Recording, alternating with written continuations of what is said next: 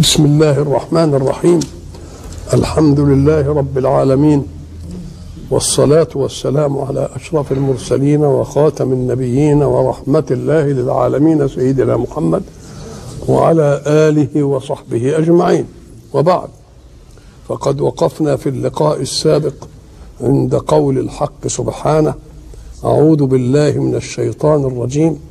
إن هي إلا موتتنا الأولى وما نحن بمنشرين. فأتوا بآبائنا إن كنتم صادقين.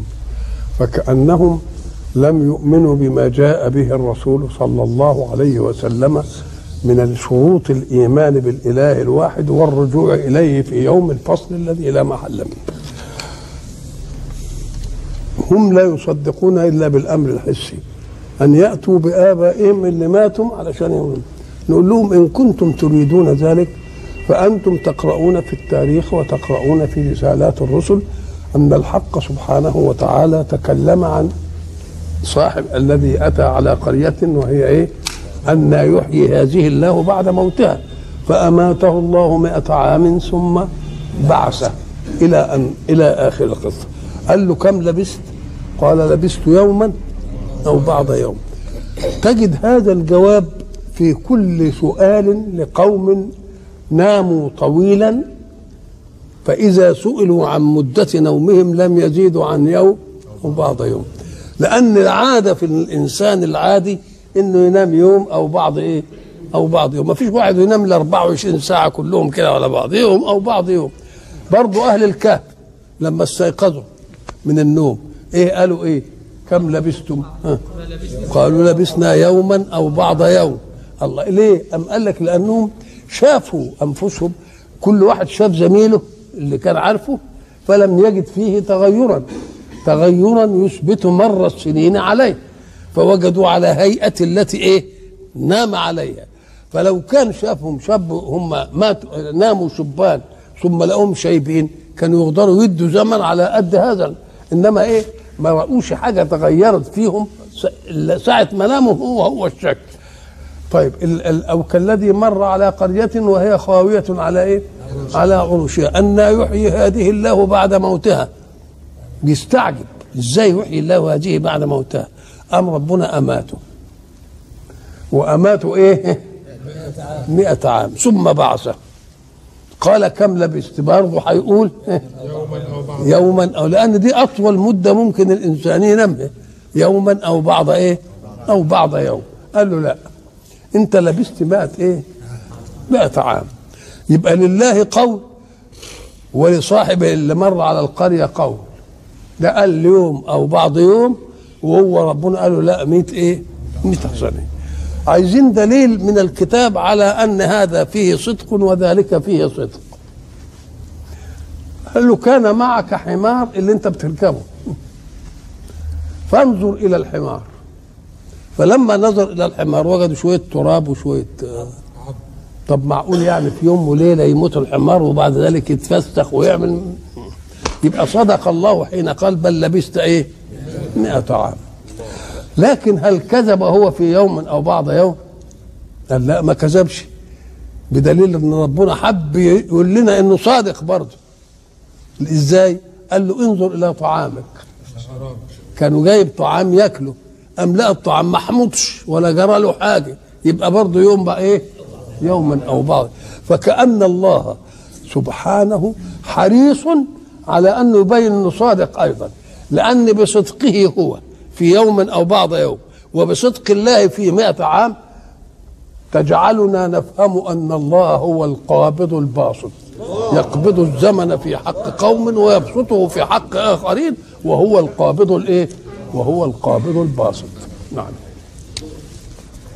فإن كانوا يؤمنون برسالات الرسل ادي حصلت لهم. أو ترى ألم تر إلى الذين خرجوا من ديارهم؟ وهم ألوف. حذر الموت. فقال لهم الله موتوا ثم احياهم بس اللي يحصل له يموت ويحيي ما يعيش بعدها بقى. بس بقدر المعجزة ثم يموت. يعني مش يقعد بقى. لا بقدر المعجزة ثم إيه؟ ثم يموت. فأتوا بآبائنا إن كنتم صادقين. الحق يريد أن يقارن بين هؤلاء وبين من سبقوهم من الأمم.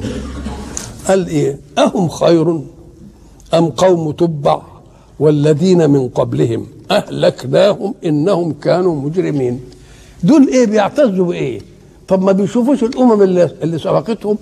طب قوم تبع. تبع ده ملك من ملوك اليمن. ملك حميري من ملوك اليمن. وملوك اليمن دول كانوا في القديم ملوك الايه؟ الأرض الخضراء أو أو الايه؟ السعيد الوطن السعيد. يمن السعيد. يمن سعيد. لأنه بقى كان فيه كل الايه؟ كل الخيرات. وسد مأرب أنتوا عارفينه عمل إيه؟ والى اخره. فملك التبع ده كان رجلا صالحا لكن قومه كذبوه. وبعدين ربنا أخذهم أخذ عزيز المقتدر وخلاهم بقى إيه؟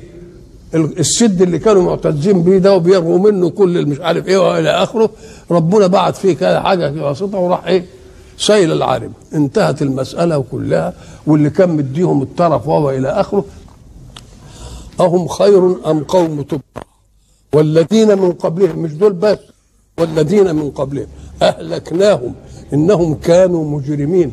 كلمة مجرم دي تدل على من بلغ في الاسم مبلغا إيه؟ مبلغا عظيما. ولذلك بتسال عن واحد كده ويقول لك مش عارف لا ده واحد صايم ده واحد مثلا ما بيصليش ده إنما واحد ده مجرم. مجرم يعني إيه؟ يأتي بالجرم الفاحش العظيم يبقى يلقب بأنه إيه؟ يلقب بأنه مجرم. بعدين ربنا في هنا قال والذين من قبلهم وفي آيات تانية جاب بقى إيه؟ فكلا أخذنا بإيه؟ بذنبه. فمنهم من أخذته إيه؟ سطح الصيحة. ومنهم من اغرقنا ومنهم من مش عارف إيه ومنهم كل حاجة ربنا عمل. ولذلك هناك في سورة الفجر برضه جايب مثل من أصحاب الحضارات القديمة. ألم ترى كيف فعل ربك بإيه؟ بعاد إرم ذات العماد التي لم يخلق مثلها في البلاد. وثمود الذين جابوا الصخر بالواد نحتوه قعدوا يعملوا مش عارف إيه. وفرعون ذي الأوتاد اللي بيجوا الان في في القرن العشرين عمالين يجوا يبصوا عليه في عجيبة المبنى إزاي انبنى من غير مونة وإزاي طلعوا بالحجارة دي ومش عارف إيه.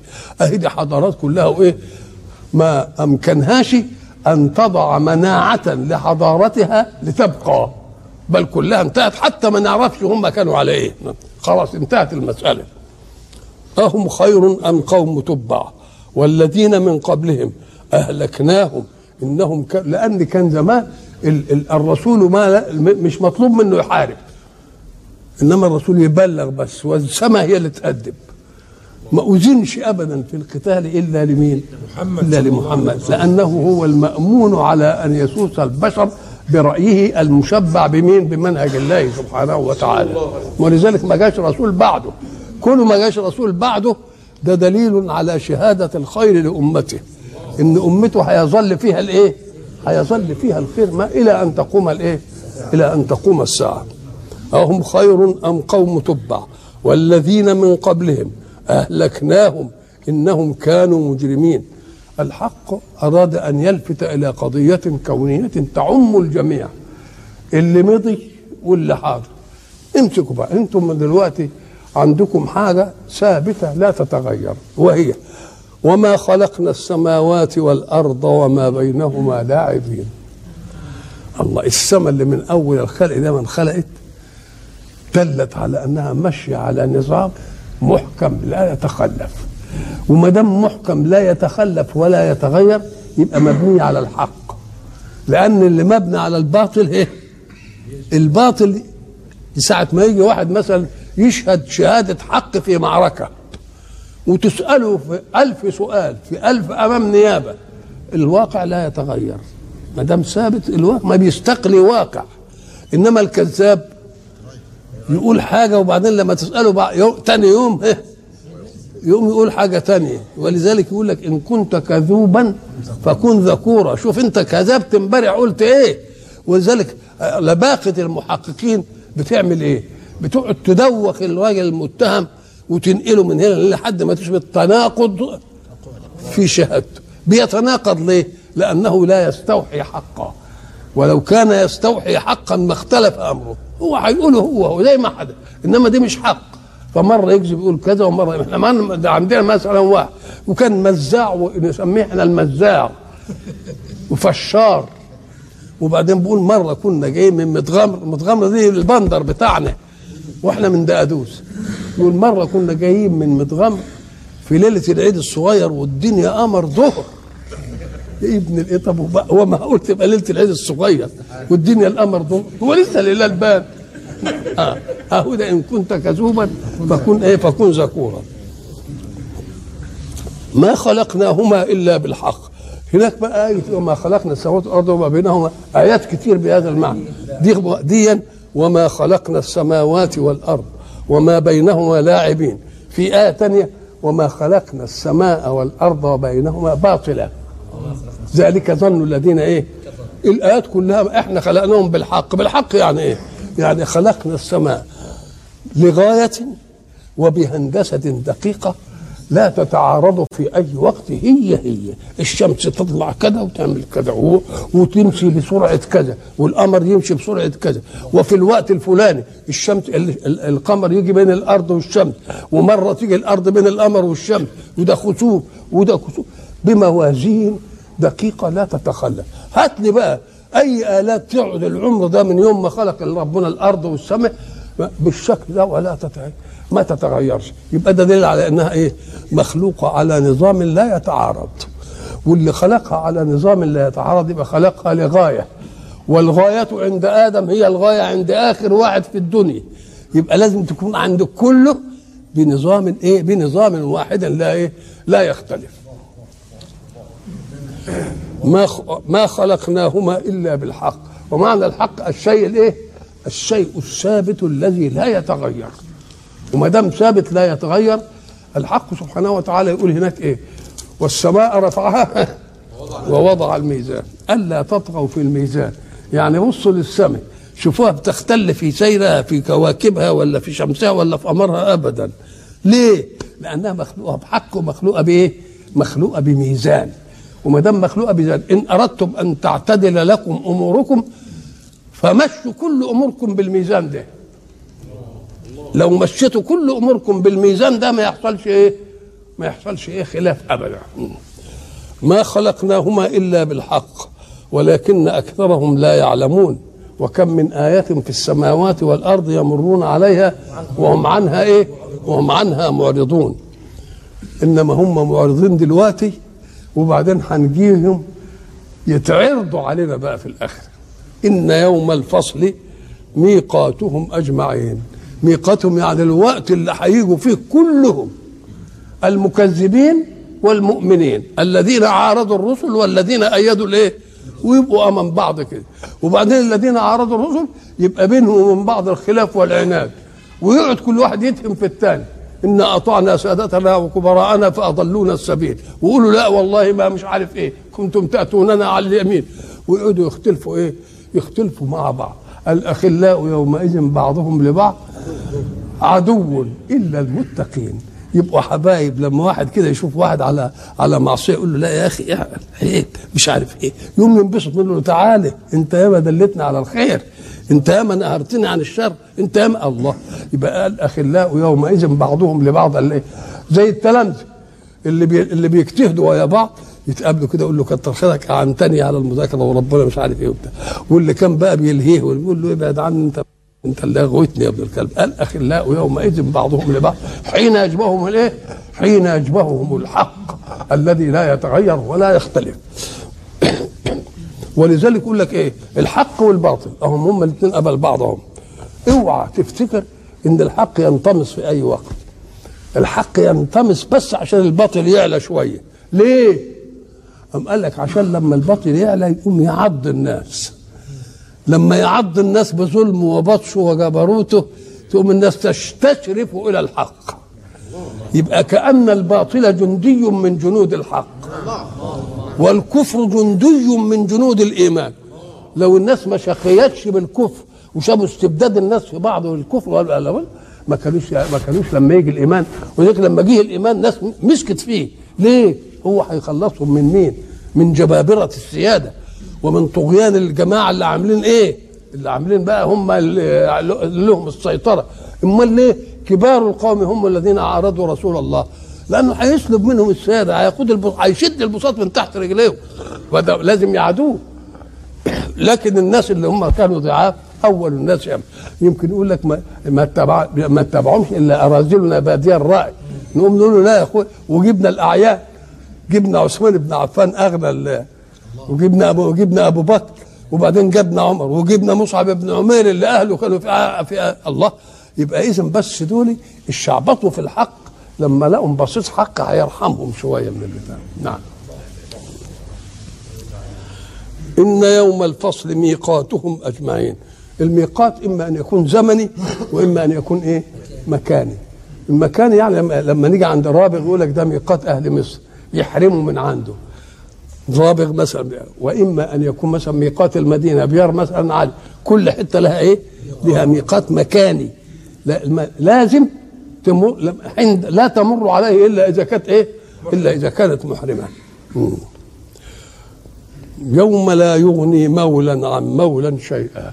وإيه حكاية مولا عن مولا دي اشمعنى؟ يعني أم قال لك؟ لأن ما قالش هناك في آياتها لن تنفعكم أرحامكم ولا أولادكم. دول أقرب الناس له اللي يهمهم أمره. فيه ناس ما يكتفوش بالإيه؟ بالأرحام والأقارب ويجيبوا ناس موالد. يعني عبيد وناس يخدموا قال لك برضه دول ما إيه مش هينفعوكم. وبعد لا يغني مولا عن مولا شيئا. كل واحد إيه, متعلق من عرقوبه وكل واحد إيه لا يسأل حميم حميمة. يفر المرء من أبيه وأمه ومش عارف إيه وصاحب وفصيلته التي تؤويه. لأن كل واحد إيه مشغول بإيه مشغول بنفسه. يوم لا يغني مولا عن مولا شيئا ولا هم ينصرون. طب ما دام لا يغني مولا عن مولا شيئا قال لك مولا ومولا دي من البشر ويا بعض. إنما كان في ناس إيه؟ بيعبدوا أصنام. نقول طب الأصنام نفعتهم بإيه بقى؟ ولا هم ينصرون ما فيش حد. ولذلك في في العقوبات الآخرة يقوم بيجي الناس اللي كفروا يجيب لهم اللي سبب الكفر قدامهم. يقدم قومه يوم القيامة. يبقى يتقدم عليهم عشان يشوفوا إيه فرعون اللي كانوا إيه بيعبدوه ده أهو قدامهم إيه. وليه قدامهم؟ السبب ليه يبقى قدامهم؟ قام قال لك لأنه لو غاب شوية يقول لك لا ده هيجي دلوقتي بعدين هيشوفنا في العذاب ده هيتنه جاي يعمل لله يقول لك لا قدامك أهو. ثم لنأخذن من كل شيعة. أيهم أشد على الرحمن عتيان يقدموا قدام كده. علشان يشوفوا انهم لا مفر. هذا اللي كنتوا بتعبدوه. هذا اللي كنتوا بتألهوه.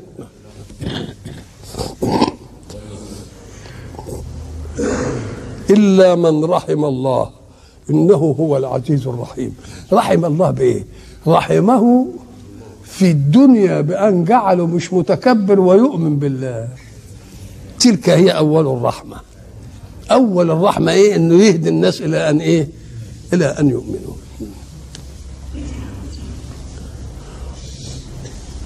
إن شجرة الزقوم طعام الأثيم. الله بيدينا صورة لما يوجد في النار. هيدينا صورة للطعام وصورة للشراب. ليه؟ لأن الإنسان قوام حياته إيه؟ طعام وشراب وهواء. هذه إيه؟ ثلاثة. شوف بقى. طعام إن شجرة الزقوم طعام الأسيم الأسيم يعني الآف طيب يأكل من شجرة الزقوم. إيه شجرة الزقوم؟ لما كلموا عنها قالوا إنها شجرة منتنة. رائحتها وحشة أوي. وطعمها مر. طيب شك... ال- الأنف بتتأذى من الريحة. والذوق يتأذى من المرارة. طب والعين اللي هي يعني أصل من أصول ال- الحس والمرائي. أم قال لك دي قايلها في آية تانية؟ طلعها كأنه رؤوس الشياطين. ورؤوس الشياطين ده هو حد شاف الشيطان؟ ما حد شاف الشيطان.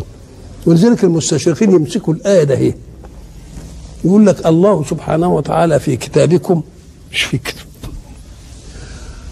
بيقول طلعها كأنه رؤوس الشياطين. وهل رأى أحد رأس الشيطان؟ لا. هل رأى أحد شجرة الزقوم؟ لا. يبقى شبه مجهولا بمجهول. شبه إيه؟ مجهول بمجهول. والأصل في التشبيه أن تشبه مجهولا بمعلوم. تقول له أنت مش عارف فلان؟ يقول لك ما شفتوش ابدا أقول لك أهو شكل فلان قطع الناطش يبقى أنت شبهت واحد مجهول بمين؟ بمعلوم لك. نقول له آه ما فهمتوش عن إعجاز القرآن شيء. لو أننا عملنا مسابقة عالمية بين رسام الكاريكاتور في العالم وقلنا نحن نريد أن ترسموا لنا صورة الشيطان.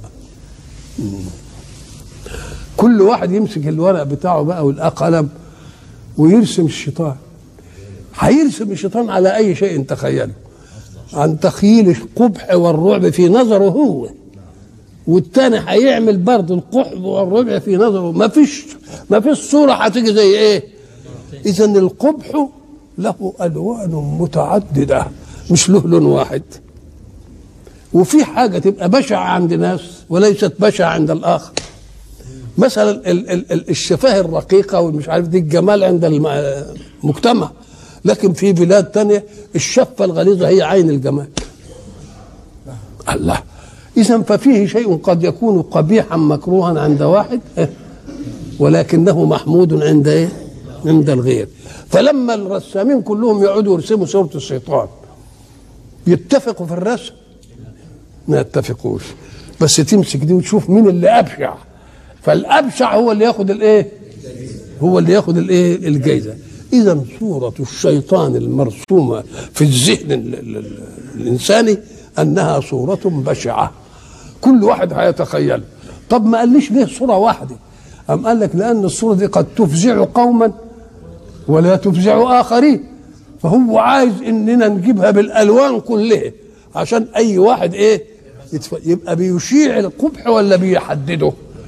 بقى يشيع القبح. يبقى إذا الإبهام في إن شجرة الزقوم طعام الأثيم وبعدين طلعوها كأنه رؤوس الشياطين يريد أن يقبحها قبحا عاما يستوعب كل وسائل القبح عند مختلف الناس.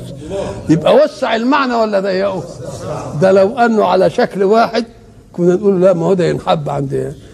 آه يبقى اذا طلعوها كأنه رؤوس الشياطين مش عارفين هم إن لما أبهم آه، بين أوضح. زي إيه؟ طب أبهم ساعة الموت. لك ما بينهاش. تقول له إبهامها هي عين البيان. ليه؟ لأنه ما دام أبهم ساعة الموت أترقبه في كل دقيقة. الله. لم إذا لو أبهمه لحددها لكن لما أبهمه لو لو لم يبهم لو لم يبهم يبقى يبقى بينه. يبقى هيبقى له وقت واحد. إنما لما أبهمه يبقى له إيه؟ كل الوقت. يبقى زاد البيان ولا وضح يبقى زاد الايه زاد الايه البيان. يبقى إن شجرة الزقوم طعام الاثيم اللي ربنا قال عنها في سورة أخرى طلعها كأنه إيه؟ رؤوس الشي- الشياطين. مم. إن شجرة الزقوم طعام الأثيم. كالمهل يغلي في البطون. المهل هو إيه؟ إحنا لما نروح للراجل اللي بيعمل الطعمية مثلا تلاقيه بيجيب زيت أول النهار يملى الطاسة زيت ويقعد يقلي عليها طول النهار. اللي خد خير الزيت كله العملية الأولانية. والباقي كله سموم نسميه دردي الزيت دردي. يقول لك ده زيت دردي. اسمه إيه؟ فكل عقارات الزيوت أو المواد المذابة يسموها الإيه؟ الدردي. الدردي ده هو اللي اسمه المهل ده هذا إذا كانت من أصول لينة. أما إذا كانت من معادن مذاب الحديد مذاب النحاس مذاب ال- الذهب حتى الحراره تبقى فيه اقوى ليه؟ أم قال لك لأن لما يكون الميه بتغلي وبعدين تنحط كده يبقى اللي أقرب من الجو اللي مش حار ياخد شوية برودة. وتبقى الوسط هو اللي فيها حرام. فكل ما كان المعدن متماسك كل ما الحراره تبقى فيه إيه؟ تبقى فيه قوية قوي. فيبقى مذاب مذاب النحاس مذاب الرصاص مذاب الذهب كل مذاب للمعادن غير الدردي يبقى ده اسمه الايه؟ المهل. ويغلي في البطون. طب ده الشيء لما يكون حر قوي زي كوباية الشاي والواحد يشرب الشفطة منها صحيح تلسعه في إيه؟ في بقه إنما بمجرد ما يبلعها إيه؟ ما يشعرش بقى هنا. يبقى بس تمر بمنطقة الذوق وخلاص. لكن هي برضه تنزل في الجوف يبقى زي الايه؟ لسه حرارتها ما يبقى ما فيش استطراق بينها وبين الجسم. إنما دي في لما الشاي اللي بتاع ما يفوت منطقة الذوق يستطرق مع الجسم ويبقى خلاص زي زي ما ماء مثلج هي هي. نعم. كالمهل يغلي في البطون كغلي الحميم والحميم هو الماء الحار اللي وصل إلى درجة الإيه؟ إلى درجة الغليان. وعلشان تعرف ديا تقوم تمسك المواد وتشوف لها درجة الغليان بتبقى عند درجة إيه؟ في حاجات ما تبقللش إلا بعد درجة 200 و300 و400 وبتاع. يبقى دي حرارتها إيه؟ حرارتها شديدة. خذوه. كلمة خذوه لوحدها دي تبقى مخيفة. لكن لما يقول خذوه فاعتلوه. ده اعتلوه خذوه بقسوة وشدة. وجر... آه. خذوه فاعتلوه إلى إيه؟ إلى س... مش إلى الجحيم لا قال إلى سواء الجحيم يا طب إيه الفرق بين إلى الجحيم وإلى سواء الجحيم؟ السواء هو الوسط عايزين سواء السبيل يعني وسط الإيه؟ وسط الطريق لأنه لما يبقاش في سواء يبقى على الطرف شوية وما دام على الطرف يبقى في حتة ما هيش جحيم تقوم تديله إيه؟ شوية حنية. لكن سواء الجحيم يبقى من هنا زي هنا زي هنا زي هنا. يبقى خدوه في الايه؟ في الوسط بتاع الجحيم. ثم بس مش كده؟ ثم صبوا فوق رأسه من عذاب الحميم. يبقى الجوف عمال يغلي. ومن فوق؟ يتصب الماء يبقى بإيه؟ بيغلي. يبقى بين إيه؟ غلى غليانين وبعدين يجي بقى علشان ت- تهزيء بقى التهزيء والتهكم ذق طب ده الإذاقة دي محلها هنا إنما أنت بتقول. المهل في البطن هيغلي وتصب فوقه حميم تبقى ذوق دي جاية لمين؟ لإيه؟ لإيه؟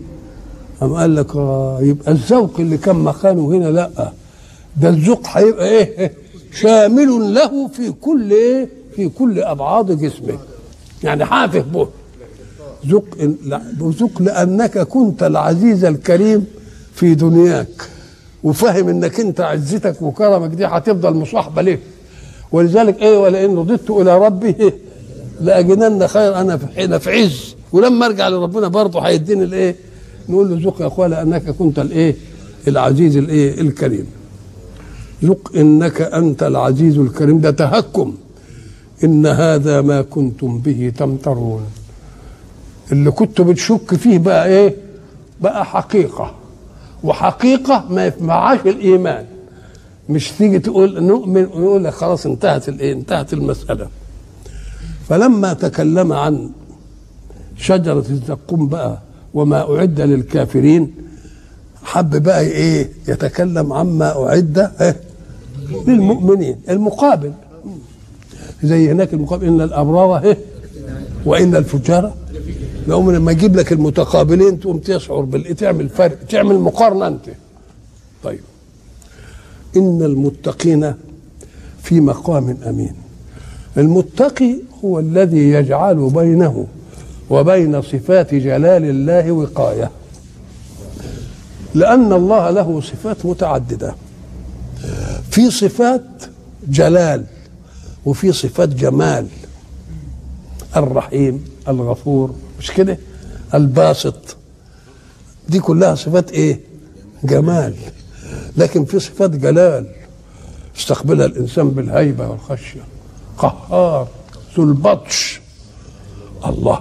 يبقى فيه دي دي ودي فاجعل أيها المؤمن بالإله وقاية بين صفات جلال الله ونفسك. لأنك أنت ما انتش حمل صفات الجلال من الله. فاجعل بينك إيه؟ طيب. هنا يجي يقول لك طيب إذا كان بنقول اتقوا الله اجعلوا بينكم وبين إيه؟ عذابه وقاية. طب ما هو بيقول اتقوا النار.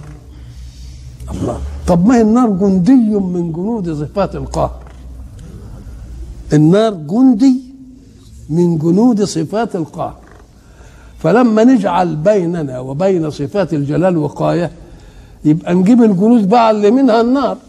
تبقى جعلت بين النار وبين يبقى اتقوا الله زي مين؟ زي اتقوا النار تمام؟ وتنتهي إلى معنى واحد.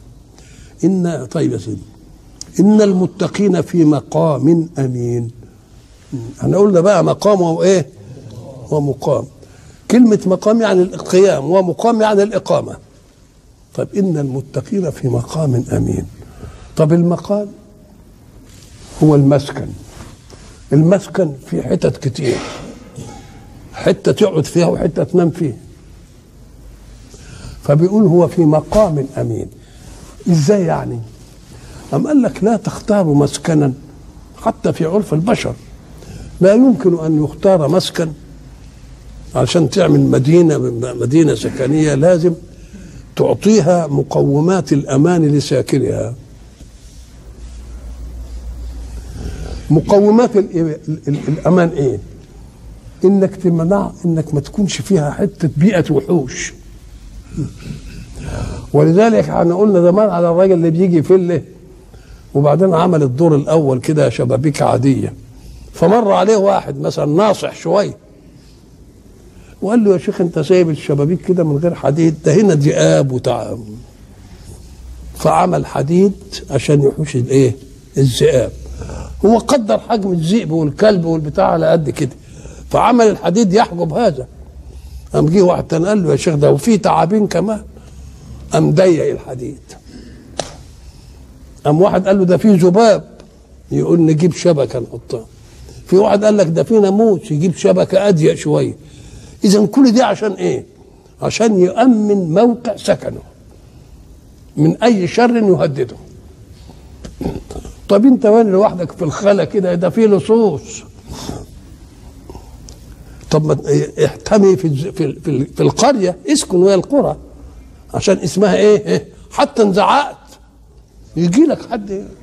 اذا المسكن لابد أن يتحدد فيه أمرين. الأمر الأول أن يكون أمينا. والأمين ضد الخائن. ومعنى الخائن هو الذي يأتيك بشر. يبقى مش هتختار مسكن إلا إذا كنت إيه؟ آمن إن ما فيش حد يخون ولا يجي لك بإيه؟ بشر. اللي بشر ده قد يتغلغل فيك في بيتك ويخليك ده قاعد كده هو وبعد ذلك يجيب مسدس كده وي... تقوم تعمل إيه بقى دلوقتي؟ إن كنت قاعد ولا نايم هتقف. قال لك لا الوقفة بتاعته في مقام آمن. ولا حد يدخل له من هنا. يعني هو آمن في الحتة في البيت كله إنما هنا في الحتة دي يبقى إذا الأمن في المقام فوق الأمن في المقام. طيب.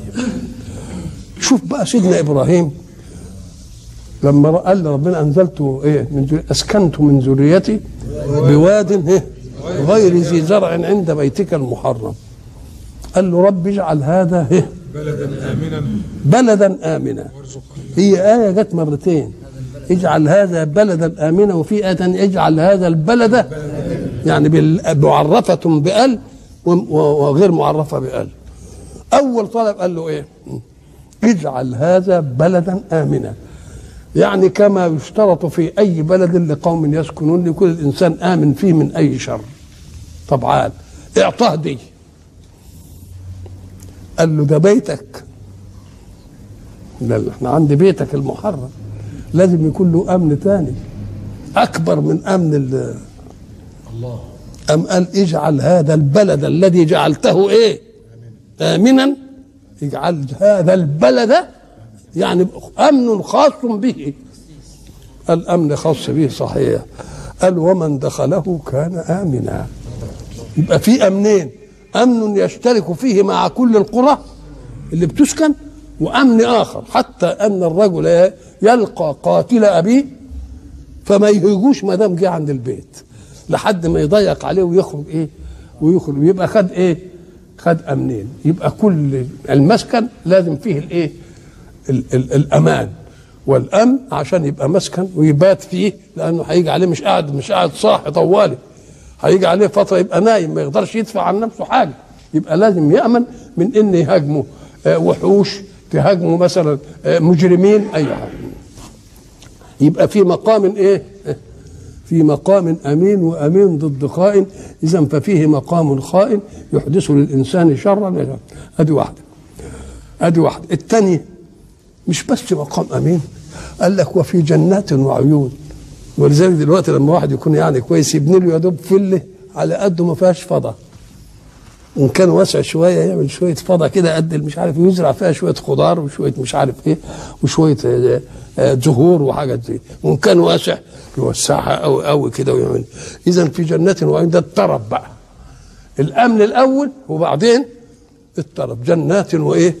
طب الجنات دي أنا عايزه إيه؟ ده الجنات دي خضره لا تتأتى إلا بمياه. قال لك فيها عيون موجودة تروي دي ما تجيبش بره منها في جنات وايه وعيون في مقام أمين في جنات وعيون وبعدين مسك الملبس بقى. الملبس عندنا قسمين.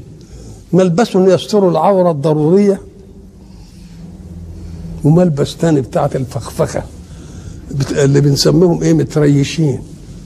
متريشين ليه كان زمان يزينوا اللباس بالريش النعام.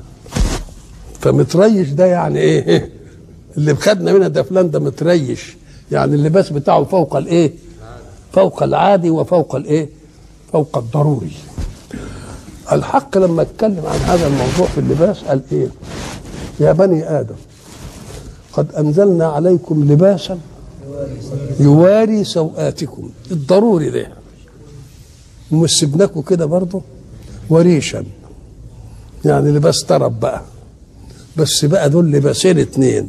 لباس ضروري ولباس طرفي. بس إيه ولباس التقوى ذلك خير. الله. يبقى إذا في ثلاث لباسات. لباس يواري العورة ولباس أتريش بيه كده واطلع بيه في الأعياد وفي المواسم والمش عارف إيه وبتاع. إنما لباس التقوى خير من ذلك كله. ليه؟ لأن قصارى اللباسين الأوليين الستر والأبهة في الدنيا. إنما لباس التقوى هيعمل لي إيه؟ ستر وأبهة في الآخرة. وأيهما أدوم؟ الدنيا أم الآخرة؟ يبقى إذا ده أطول عمرا يبقى هو ده يصح اللي يكون اللباس. ويلبسون إيه؟ من سندس. الله ده هتبقى المسألة مقاييسها مختلة أوي. طب السندس والاستبرق. السندس أولا الحرير الرقيق. والاستبرق الحرير الغليظ اللي بيبقى لامع كده إحنا نسميه إيه له؟ اسم كده؟ ستان. مثلا بستان. ستان حرير يعني له وش لامع كده. الله. يبقى فيه خفيف وفيه إيه؟ وفيه تقيل. طبعا. كلمة استبرق برضه المستشرقين وقفوا عندها استبرق دي مأخوذة من الفارسية. وأصلها استبرك يعني بالكاف. إحنا لما عربناها بقت استبرق قالوا إزاي بيقول قرآن عربي وفيه الألفاظ دي يعني السندس برضه من الفارسية والاستبرق برضه من الإيه؟ من الفارسية والقسطاس من الفارسية الله. فيقولوا إزاي عربي؟ أم قال لك ما معنى أن هذا عربي؟ يعني إذا نطق به العربي فهمه العربي الآخر. فلو جبنا كلمة أجنبية وشاعت في لسانه بحيث إن لما واحد ينطقها لما نقول بنك دلوقتي. كلنا نفهمها ولا ما نفهمهاش؟ أهي بنك مش عربي. ويمكن ارق من كلمة مصرف اللي إحنا جايبينها له عندنا دي. الله. يبقى معنى ذلك أن معنى عربي أنها وإن كانت أجنبية لاكتها الألسن قبل أن ينزل القرآن. فلما لاكتها وفهمها الم- المخاطب من السامع بقت عربية ولا مش عربية؟ بقت عربية. زي الجاكيت دلوقتي بنقول عليها الجاكيت يلبسون من سندس واستبرق. وبعدين بقى الحتة ال- المسائل اللي ربنا محرمها على الذكور جات لهم دلوقتي الحرير الرقيق والحرير الغليظ اللي كان محرم عليهم وسايبينه للنساء مش كده؟ متقابلين. متقابلين يعني قاعدين وشهم لوش بعض دليل على الأنس إنهم يعني مش مدين لبعض جنب. لا. متقابلين. كذلك أي مثل هذا أن مثل هذا النعيم أننا زوجناهم بحور عين. كلمة زوجنا إما أن تتعدى بالباء أو تتعدى بنفسها. زوجته فلانة. يعني عملتها إيه؟ زوجة له. إنما لما أقول زوجته بكذا يعني جعلت له فردا يجعل منه زوجة. مش ضروري يكون بقى إيه؟ مش ضروري يكون مش ضروري يكون أنثى يعني. تبقى لما تقول زوجته بكذا يعني جعلت له فردا يشبهه فصار زوجا. بعد ما كان فرد بقى إيه؟ بقى زوج. كلمة زوجها زوجها تتعدى. فإن أردت الزواج من الأنثى والذكر يبقى زوجها. تزوجها مش تزوج بها. آه زوجها تزوجها. لكن لما يكون فعلت الفرد معه فرد آخر مثله بقوا اثنين إيه؟ يبقى إيه زوجته به. يعني صار به زوجا صار به زوجا. يبقى اذا الكلمة دي وزوجناهم بحور عين نقلتها من مسألة الزوجية كما نعرفها إلى الأنس بالجمال اللي هو كان قمة ما نعرف من اللذات. قمة ما نعرف من اللذات الواد لما يبلغ بقى كده وبعدين يبتدي يطلع وعايز يجيب له واحدة يقعد إيه يبص فيها كده يعرف مفاتنها يبقى جبنا لهم قمة الإيه؟ مش ضروري بقى اياه ليه؟ لأن إحنا هنخلق خلق جديد. وما دام هنخلق خلق جديد بيقول لك انت بتاكل ولا تتغوطش. طب إزاي دي تيجي بقى؟ تاكل ولا تتغوطش؟ إزاي دي تيجي؟ طب بقى هاكل إيه؟ بقى اربه لا. ولا يجرى حاجة ولا يبقى. وزوجناه كذا زوجناه كذا يبقى المراد به الزوجية الأنثى والذكر. زوجته بكذا يعني جعلته إيه؟ له زوج. بحور عين يبقى الحور العين مش معناها بقى العملية متعة النظر ومتعة الكلام ومتعة لأننا هنتغير شكلنا خالص. هنتغير ونبقى إيه خلقا إيه؟ خلق. ولذلك لما ملك الروم أرسل إلى معاوية قال له إننا عندنا مسائل عايزين نسأل عنها في دينكم. عرفناها في ديننا ونريد أن نعرفها في دينكم. فأرسل إليه الشعبي. فقال له يا شعبي أنتم تقولون إن اللي اللي يؤخذ منه ما ينفذش عندكم. وكل شيء يؤخذ منه ينقص. فقال له هذا إذا لم يكن له مدد. ينقص إمتى؟ لما تكون كمية قد كده وخدنا منها تنقص. إنما لها مدد يبقى ما تنقص. وإلى لقاء آخر إن شاء الله.